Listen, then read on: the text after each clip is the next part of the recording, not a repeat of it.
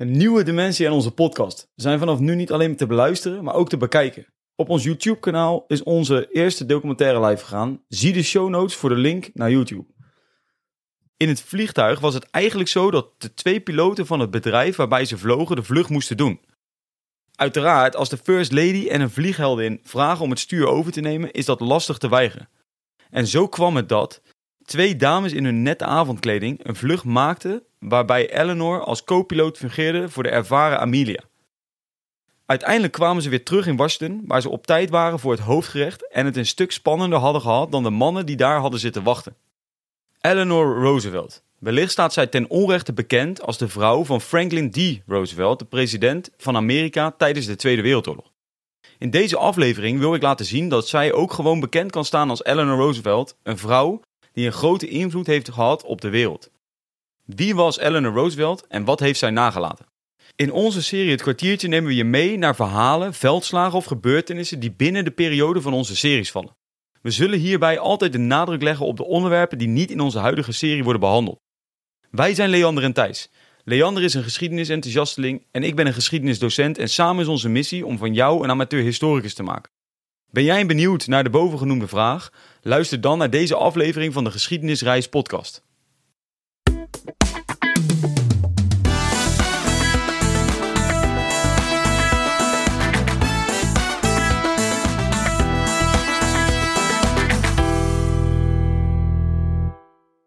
Op 11 oktober 1884 kwam een meisje ter wereld dat de naam Eleanor kreeg. Zij werd geboren in de Roosevelt-familie, een rijke familie waarbij de kansen voor de kinderen groot waren. Een normale jeugd zou ze echter niet krijgen. Op tienjarige leeftijd waren haar beide ouders overleden en was ze een wees. De keuze werd nu gemaakt om haar, op 14-jarige leeftijd, naar een kostschool te sturen in Londen. Een levensveranderende ervaring. De jonge Eleanor leefde in een wereld waarin vrouwen normaal gesproken werden voorbereid om hun man te dienen in zijn werk. Bij thuiskomst moest het huis netjes zijn, de kinderen verzorgd en kreeg de man wat eten. Dit leven was voor dames tot diep in de 20e eeuw een normale gang van zaken. Maar aan het einde van de 19e eeuw kwam het feminisme al opzetten. Feministen streefden naar het meer rechten voor vrouwen, maar ook naar een onafhankelijke vrouw die beslissingen voor zichzelf kon maken. Zelfs nu, meer dan 100 jaar later, is dit nog steeds een strijd die gaande is. Destijds stond die strijd in de kinderschoenen. De directrice van de kostschool waar zij heen ging, Marie Souvestre, wilde niets weten van de onderdanige vrouw die volledig in dienst stond van haar man. Zij streefde ernaar de meisjes op de kostschool voor te bereiden op een actieve rol in de wereld. Eleanor heeft deze les tot zich genomen en zou hem de rest van haar leven gaan toepassen. Op 21-jarige leeftijd, terug in Amerika, kwam een huwelijk tot stand met achterneef Franklin Roosevelt, een man waarin het politieke altijd vooraan stond.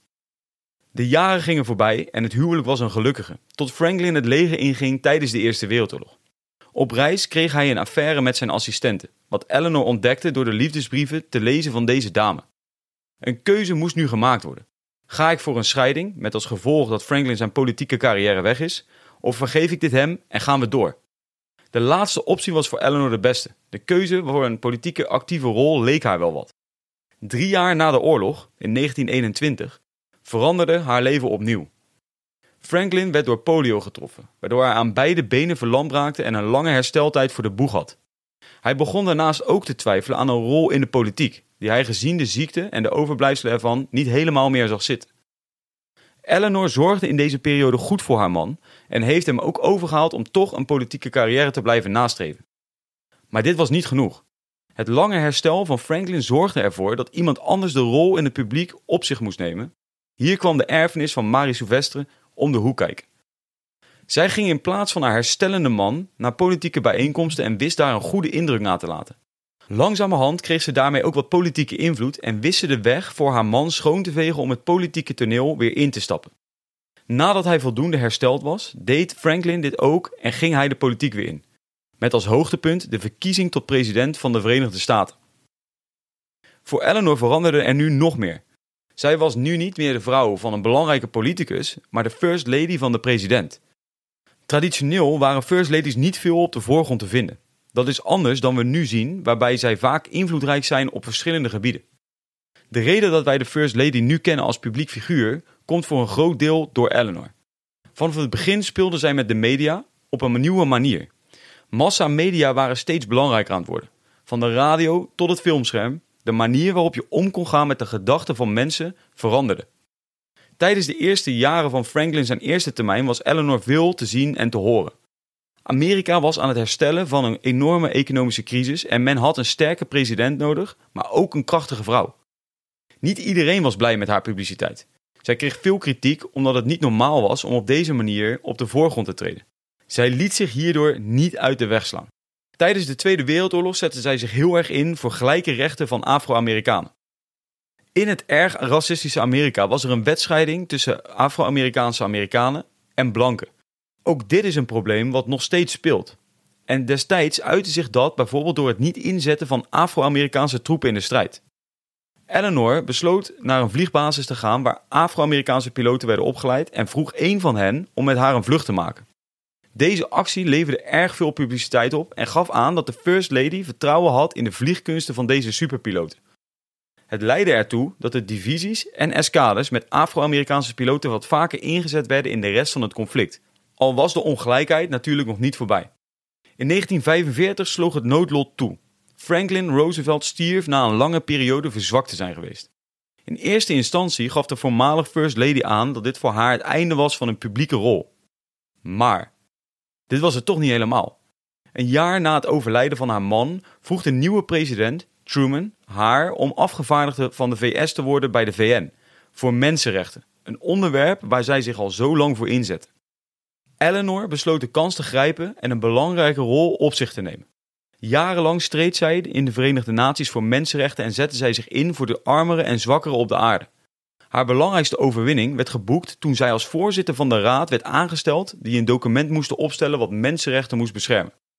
Het document kwam in 1948 tot stand en heet de Universele Verklaring van de Rechten van de Mens. Een enorm belangrijk document dat kan worden gebruikt om de rechten van mensen te bespreken in plaatsen waar deze minder scherp worden gehandhaafd.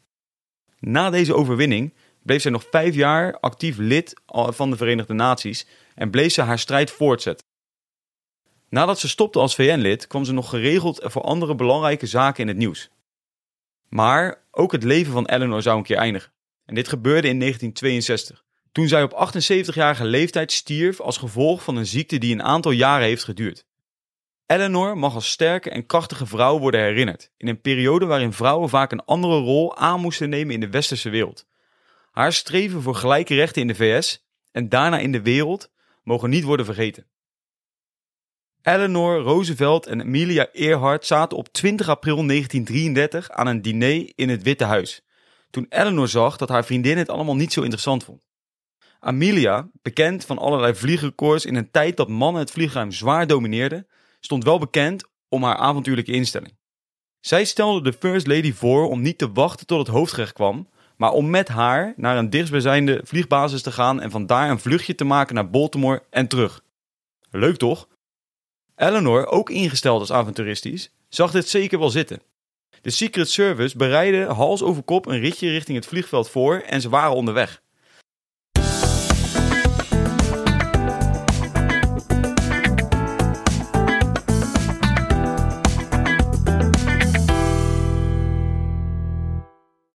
Als jij geïnteresseerd bent in het verbreden van jouw kennis over geschiedenis, of af en toe gewoon leuke discussies wilt lezen of voeren, dan is onze Facebookgroep misschien wel wat voor jou.